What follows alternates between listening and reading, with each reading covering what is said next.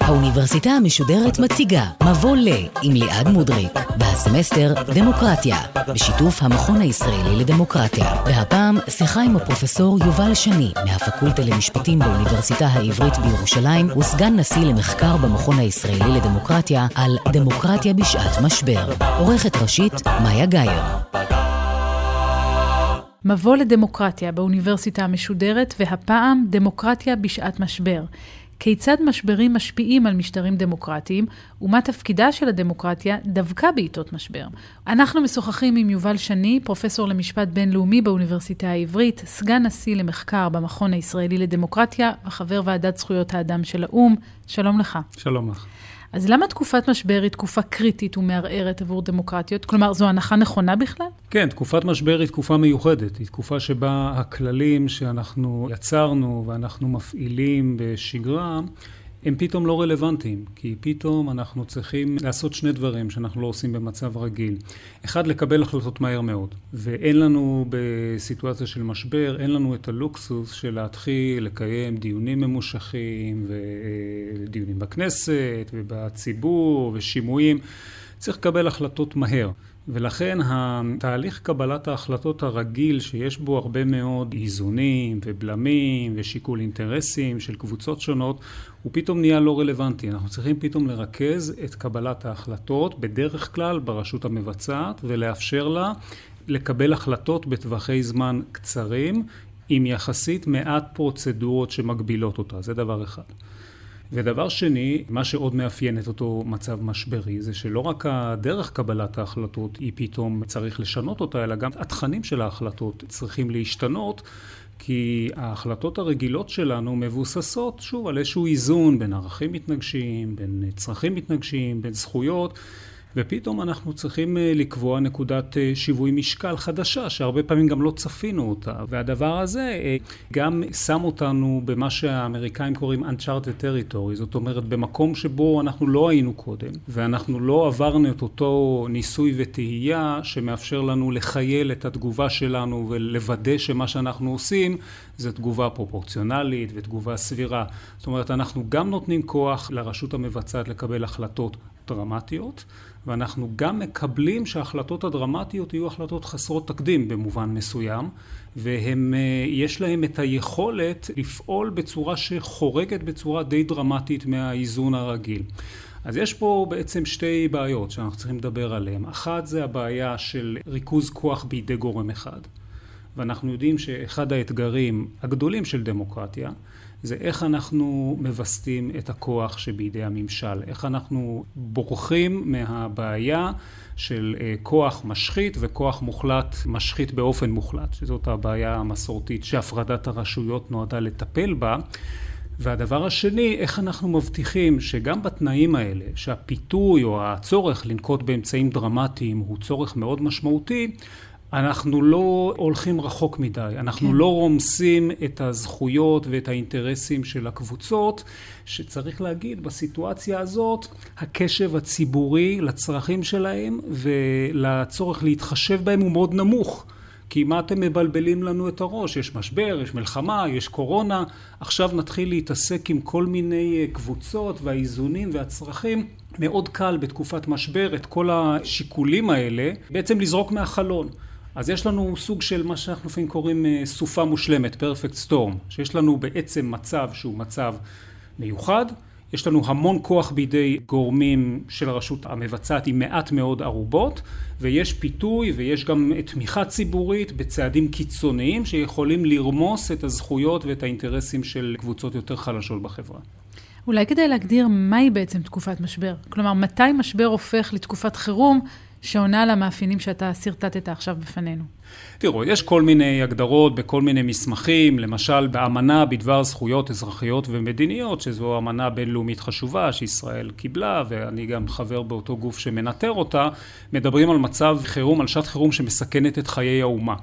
זאת אומרת, אנחנו מדברים במצב כזה לא רק על אה, איזשהו אירוע שהוא חריג, אלא אירוע שמבחינת מה שמונח על כפות המאזניים כאשר אנחנו בוחנים את אופן ההתמודדות עם הסיטואציה הזאת, אלה הם הדברים הכי חשובים, אלה הם הערכים הכי חשובים, אלה הם האינטרסים הכי חשובים בחברה.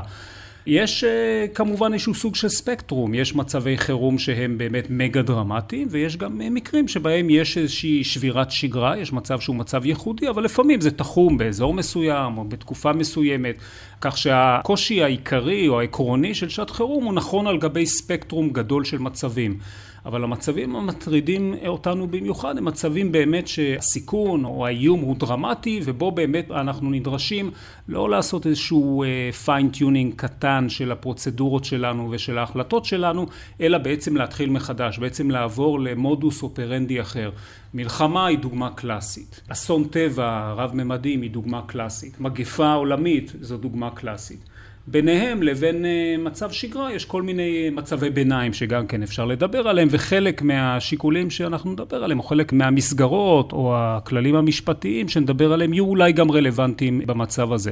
אבל זאת שאלה טובה כי בישראל כמו שאנחנו יודעים נמצאת במצב חירום. כן, מאז הקמתה. מאז הקמתה וצריך להגיד בכנות שלא בכל שנות אה, קיומה של המדינה עוצמת האיום הייתה באותו גובה, ויש שנים שבהם היה איום ממש קיומי, שבאמת ישראל נלחמה על חייה. ויש שנים שבהם היו אה, למשל גלי טרור ואלימות בהיקפים מאוד מאוד גדולים ששיבשו לחלוטין את חיי השגרה. והיו גם שנים שבהם זה פחות בלט המצב חירום הזה, ולכן אחד הסכנות גם שיש כמובן בכל הקונספט הזה של שעת חירום, שהקונספט עצמו עשוי להיות נתון לניצול לרעה. ויכולה להיות ממשלה שתחליט, למרות שזה לא באמת מצב חירום, להתייחס אל הסיטואציה כמצב חירום, כי זה נותן לה א', הרבה מאוד כוח.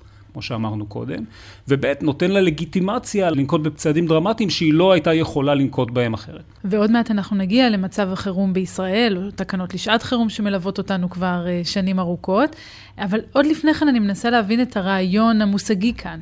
אז מצב חירום בעולם, לא רק בישראל, מלווה תמיד בחקיקת חירום? מה, מה קובע, איך זה עובד?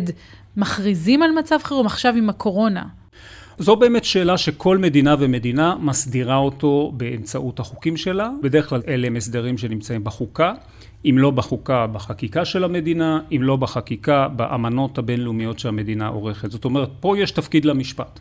כי מכיוון שאנחנו משנים את אופן תהליך קבלת ההחלטות בחברה, ומכיוון שאנחנו גם משנים את האיזונים הרגילים שיש בין למשל זכויות אה, הפרט לבין האינטרס הציבורי, פה נדרשת מעורבות של המשפט לא רק כדי לבדוק מה עשינו, אלא גם בעצם לאפשר את המעבר מהמסלול הרגיל למסלול המיוחד. ובאמת יש מדינות שבהן בדרך כלל החבילה היא דורשת איזה סוג של הכרזה על מצב חירום. לפעמים על ידי הנשיא, לפעמים על ידי הפרלמנט, לפעמים על ידי שילוב שלהם. הרבה פעמים גם צריך להודיע על מצב החירום לאיזשהו גוף בינלאומי, ככל שמדובר במדינות שמבקשות לסטות מאמנות בינלאומיות הן צריכות גם להודיע על כך. ולאחר מכן יש תהליכים שבהם אותן מדינות מפעילות סוג של פיקוח ובקרה על האופן שבו סמכויות החירום מופעלות. אבל בדרך כלל יש ערובות אה, פרוצדורליות והן מאוד חשובות, כי הדבר הזה הוא אולי המחסום הראשון מפני ניצול לרעה של סמכויות שעת חירום. אז זו בדיוק השאלה, חקיקת חירום היא תמיד אנטי דמוקרטית, כי לו הייתה חקיקה רגילה, או אם לו לא הייתה עוברת על כמה מעקרונות הדמוקרטיה, פשוט היינו מגדירים אותה כחקיקה רגילה, ואם אנחנו נדרשים לקרוא לה חקיקת חירום, הרי שהיא ודאי עוברת על אחד מן העקרונות הדמוקרטיים. באופן בסיסי חקיקת חירום עוברת על עקרונות דמוקרטיים במובנים שתיארתי קודם. אם מי שעכשיו מקבל את החוקים זה לא הפרלמנט, אלא הממשלה, לא הרשות המחוקקת, אלא הרשות המבצעת. היא עכשיו יוצרת את ההסדרים הראשונים, את ההסדרים של מה מותר, מה אסור, מה חוק פלילי, מה עבירה פלילית. יש פה פגיעה בעיקרון בסיסי של דמוקרטיה, שאומר שמי שקובע את החוקים זו הרשות שמייצגת בצורה הכי ישירה את הריבון, וזה כלומר, הפרלמנט. כלומר, הפרדת רשויות. כן, אז אנחנו בעצם שמים את רעיון הפרדת הרשויות, שהוא רעיון מאוד מרכזי בדמוקרטיה, אנחנו משעים אותו בגלל המצב. וגם הרעיון של זכויות אדם, שזה דבר מאוד מרכזי. אנחנו גם בעצם שמים אותו במידה מסוימת בצד, כי אנחנו מאפשרים לעצמנו במצב חירום לבצע פגיעות שבמצב רגיל אנחנו לא היינו מאפשרים לעצמנו. אז מבחינה זאת מצב חירום הוא מצב שהוא במהותו מצב שמאתגר את הדמוקרטיה. מצד שני, יש כמובן אה, את התובנה שעוד אה, מייחסים אותה ללינקולן במלחמת האזרחים, שלפיה החוקה אינה, אה, הוא קרא לזה, The Constitution is not a suicide pact. זאת אומרת שהחוקה היא לא הסכם להתאבדות קולקטיבית. זאת אומרת, יש לנו גם רעיון, ואנחנו מכירים אותו גם ב... בהקשר הוויימרי כרעיון של דמוקרטיה מתגוננת. זאת אומרת, הדמוקרטיה גם צריכה לאמץ מנגנונים שמאפשרים לה להתמודד עם סיכונים קיצוניים, ולכן לא הייתי אומר שהכרזה על מצב חירום היא בהכרח אנטי דמוקרטית. יכול להיות שהכרזה על מצב חירום היא חיונית כדי לשמור על הדמוקרטיה. אבל ודאי שיש מתח בסיסי בין מצב חירום ובין ההכרזה על מצב חירום לבין המסגרות הרגילות שקיימות במשטר דמוקרטי. ובין המסגרות האלה הזכרת את הרעיון של זכויות אדם, ששורשיו מצויים איפה במאה ה-18? טוב, זכויות אדם זה רעיון שיש לו זקן מאוד מאוד ארוך, אבל אנחנו בדרך כלל כשמדברים על זכויות אדם מודרניות, אנחנו מדברים על זכויות שהתחלנו לראות אותן בכתיבה של עידן הנאורות, במאה ה-16 ואילך, והתחלנו לראות אותן, את הזכויות האלה, כמסמכים פוליטיים שמעוגנים בחוקות ובהכרזות רשמיות של מדינות, סביב המהפכה הצרפתית, הכרזת העצמאות האמריקאית, החוקה האמריקאית, ובהמשך כן. החוקות שהתקבלו באירופה במאה ה-19. במאה ה-20 אנחנו רואים את הרעיון של זכויות אדם כמתקבל לא רק ברמה הפנים-מדינתית אלא גם ברמה הבינלאומית בהכרזה אוניברסלית בדבר זכויות האדם שהאו"ם מקבל ב-1948 ואחרי זה בשורה ארוכה של אמנות שכל מדינות העולם הצטרפו אליהן ולכן אנחנו היום רואים בזכויות אדם כרעיון שהוא רעיון אוניברסלי וגם רעיון שבעצם כל מדינות העולם, גם הדמוקרטיות וגם הלא דמוקרטיות, קיבלו אותו כרעיון שהן מחויבות אליו. מחויבות אליו וחתמו על האמנות אבל גם מיישמות אותו בפועל? לא. זאת אומרת, ה... יש בעולם הזה של זכויות אדם, יש פער כרוני. ענית בנחרצות, ה... לא צריך אפילו רגע להסס. כן, כל המדינות בכל רגע נתון מפרות חלק מההתחייבויות שלהן, כמו שבכל חברה, בכל רגע נתון, חלק מהחוקים אה, הם מופרים. אם אנחנו כן. נסתכל החוצה על הרחוב, אנחנו נראה שיש נהגים שעוברים בכביש עכשיו הם מקיימים את חוקי התנועה, ויש כאלה שלא. הדבר הזה לא שונה ביחס למדינות שהן אה, שחקנים אה, מורכבים.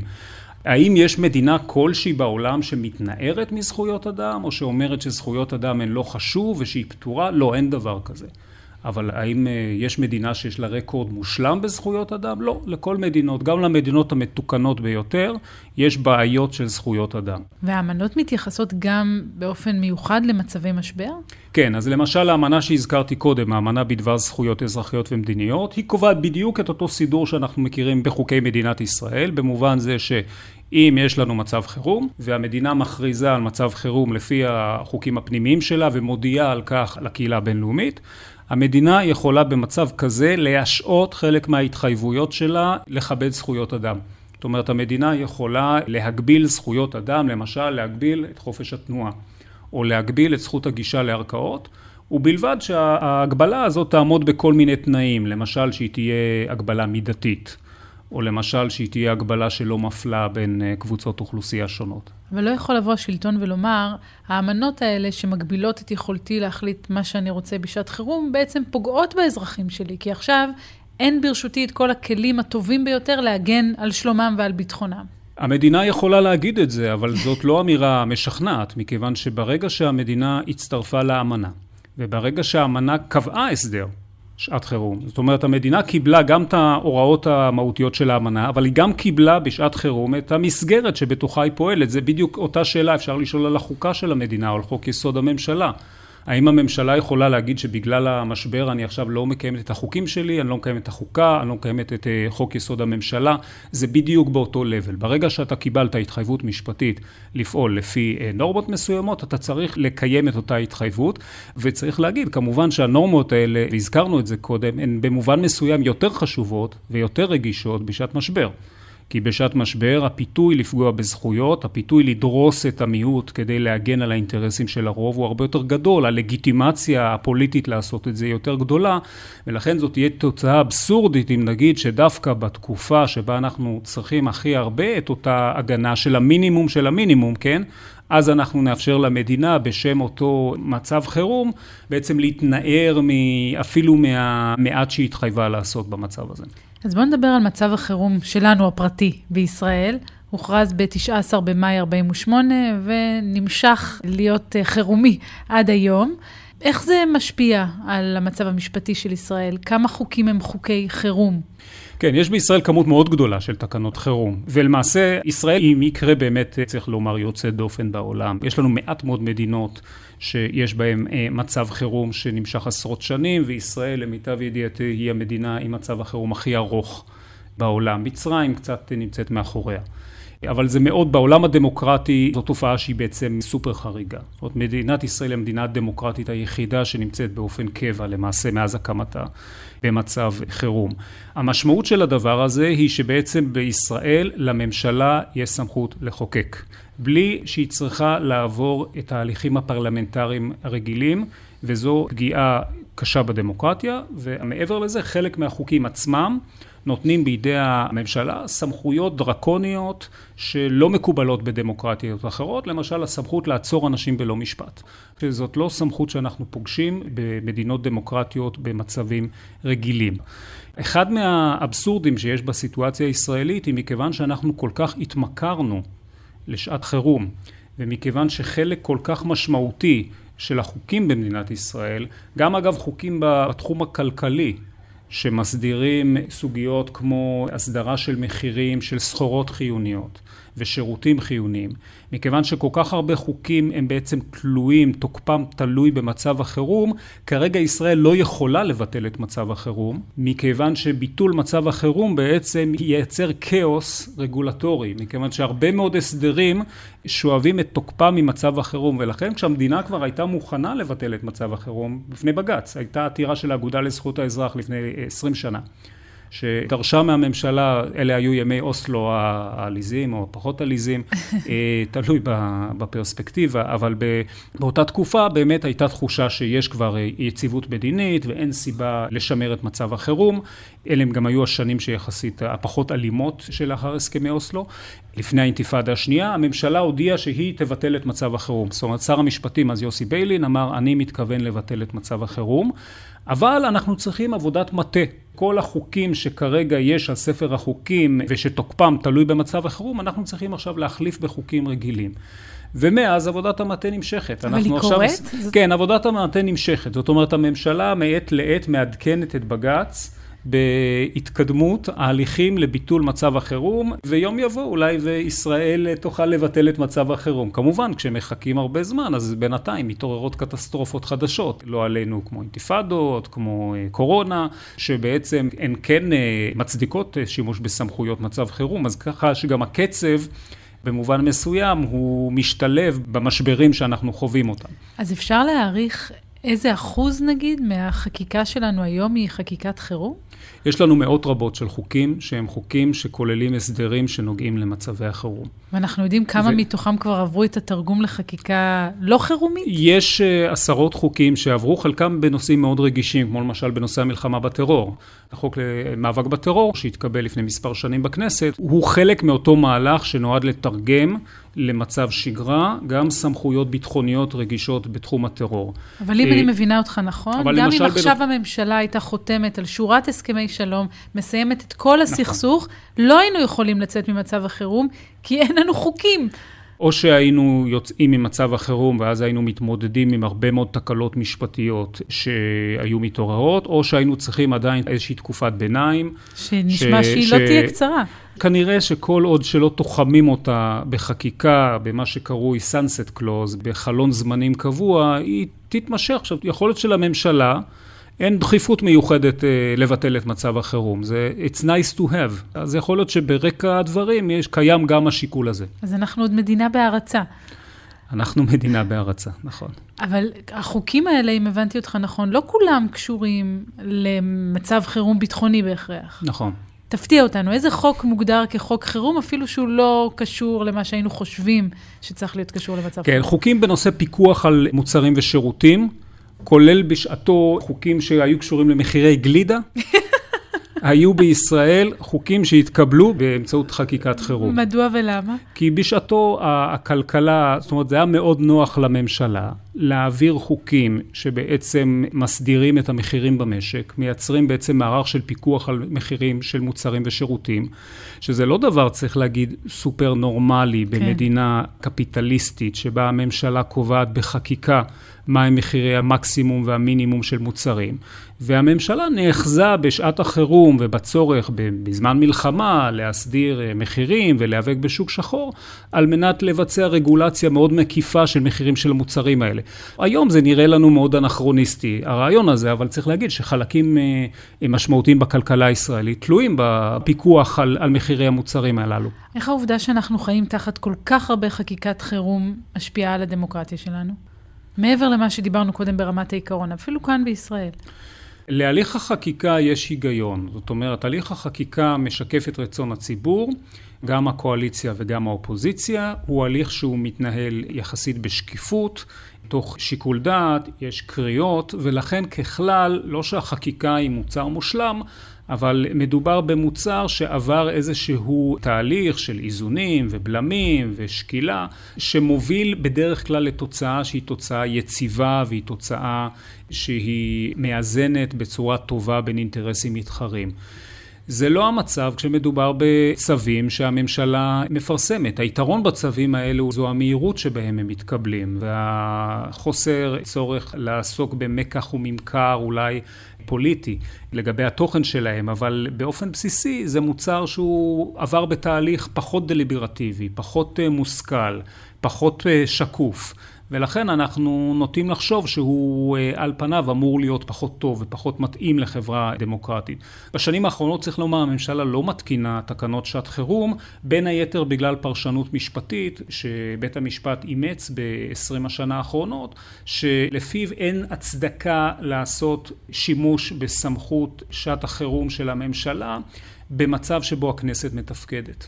והקורונה לא פתחה את המפעל הזה בדיוק, לא פתחה אותו מחדש. עכשיו באה הקורונה ובעצם פתחה את זה מחדש. ובאמת בקורונה הייתה, אה, בפאזה הראשונה, היועץ המשפטי לממשלה קיבל את העמדה, שהיא אני חושב הייתה עמדה הגיונית. בסיטואציה הזאת נדרשת פעולה אה, סופר מהירה, גם אנחנו זוכרים בשבועות הראשונים של הקורונה, עוד הייתה ממשלת מעבר ולא הייתה כנסת מתפקדת. עוד, עוד היו... ממשלת מעבר, עוד אחת מיני רבות בתקופה האחרונה. כן, זה נכון, בעשור האחרון זה נכון כמעט ב-50% מה, מה, מהזמן, אבל כן. באמת לא הייתה כנסת מתפקדת וגם היו אה, סימני שאלה האם הכנסת בכלל יכולה להתכנס, חברי כנסת יכולים, עוד לא היו נהלים, ובסיטואציה הזאת אני חושב שהייתה החלטה נכונה ללכת ולהפעיל את uh, סמכויות שעת החירום. הוויכוח המשפטי שעלה, ואני חושב שכאן היועץ טעה, וגם uh, בית המשפט שגיבה אותו, אני חושב, טעה בכל הכבוד הראוי, היה שלא נדרשת הכרזת שעת חירום חדשה,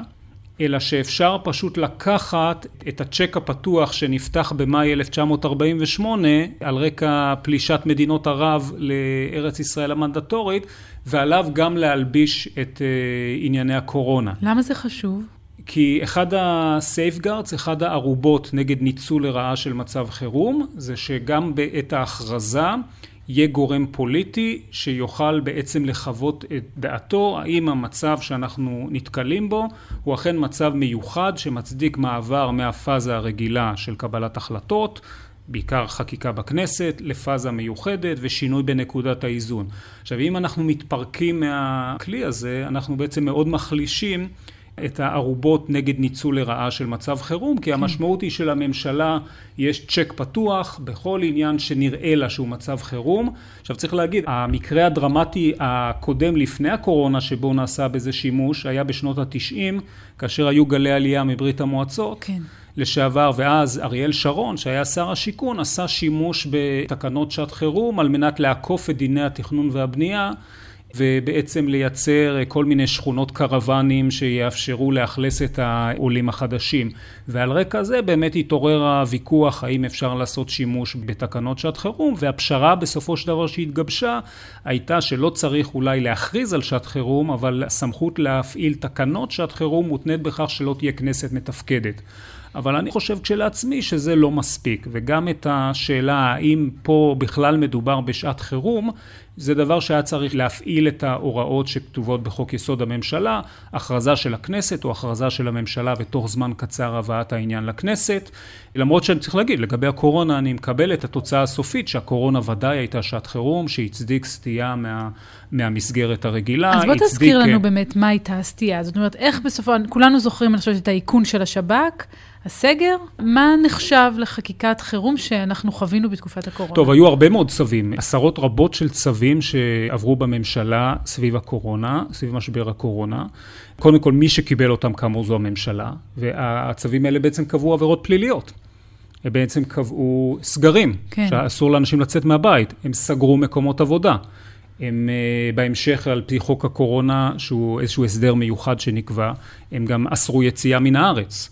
הם אפשרו לשב"כ לעקוב אחרי אזרחים ישראלים. זאת אומרת, לא מדובר פה רק בחקיקה של הממשלה, וחקיקה ממש לכל דבר ועניין, כולל כאמור יצירת עבירות פליליות חדשות, כן. של הפרת בידוד, הפרת סגר וכדומה, אלא הם אה, בעצם פגעו בזכויות יסוד, זאת אומרת חופש התנועה, חופש העיסוק, הזכות יציאה מן הארץ, הזכות לפרטיות, זאת אומרת סל הזכויות הבסיסי שלנו בעצם הושעה למשך תקופות ממושכות ובצורה דרמטית.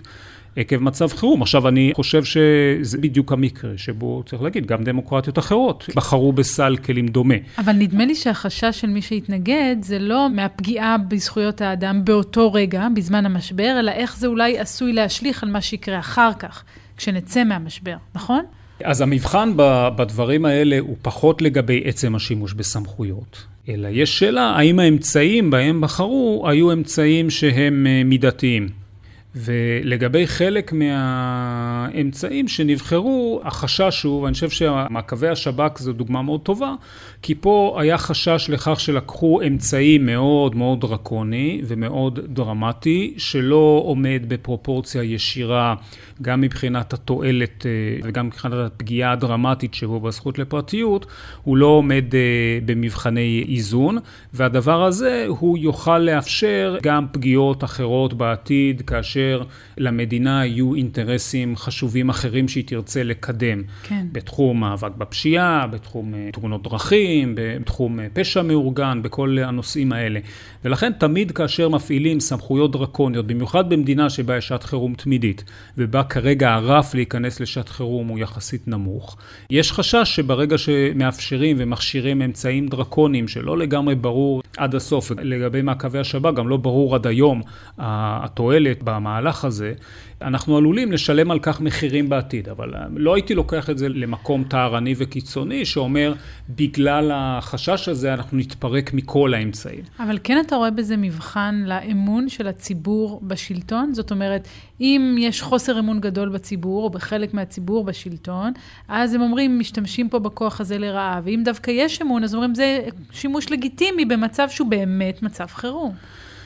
כן, הנושא של בכלל בדמוקרטיה, הנושא של אמון אה, הציבור ברשויות הוא, הוא דבר מאוד חשוב, ובאמת אחד האתגרים במצב חירום הוא לשכנע את הציבור שגם השימוש בסמכויות חירום וגם התוכן של הצווים או של ההחלטות שמתקבלות במצב חירום הוא באמת נדרש מה, מהמצוקה, וצריך להגיד שישראל נמצאת בשנים האחרונות במצב שבו יש משבר אמון חריף בין חלקים גדולים של הציבור לבין ההנהגה.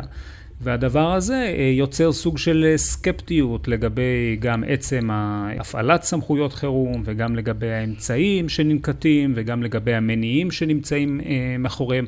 אבל צריך להגיד שזו בעיה כללית של הפעלת כוח על ידי שלטון דמוקרטי. שעת חירום, בגלל שהסמכויות הן דרמטיות יותר, אולי גם מייצרות משבר גם במישור הזה שהוא יותר דרמטי.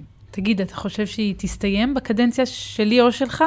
שעת החירום הזאת? בקדנציה בעולם, כן, מתכוונת? כן, בימי חיינו.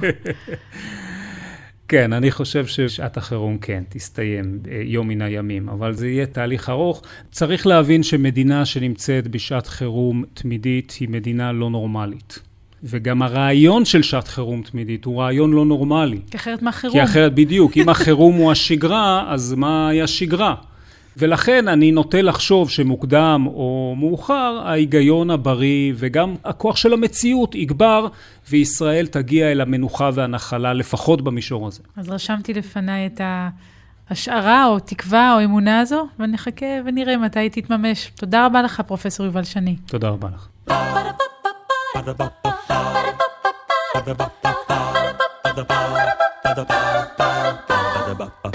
האוניברסיטה המשודרת, מבוא לדמוקרטיה, בשיתוף המכון הישראלי לדמוקרטיה. ליעד מודריק שוחחה עם הפרופסור יובל שני מהפקולטה למשפטים באוניברסיטה העברית בירושלים וסגן נשיא למחקר במכון הישראלי לדמוקרטיה על דמוקרטיה בשעת משבר. עורכת ראשית, מאיה גאייר. עורכים ומפיקים, גיא חלמיש, עומר עובדיה ועמליה נוימן. ביצוע טכני, דניאל שבתאי. האוניברסיטה המשודרת, בכל זמן שתרצו, באתר וביישומון גלי צה"ל ובכל מקום בו אתם מאזינים להסכתים שלכם.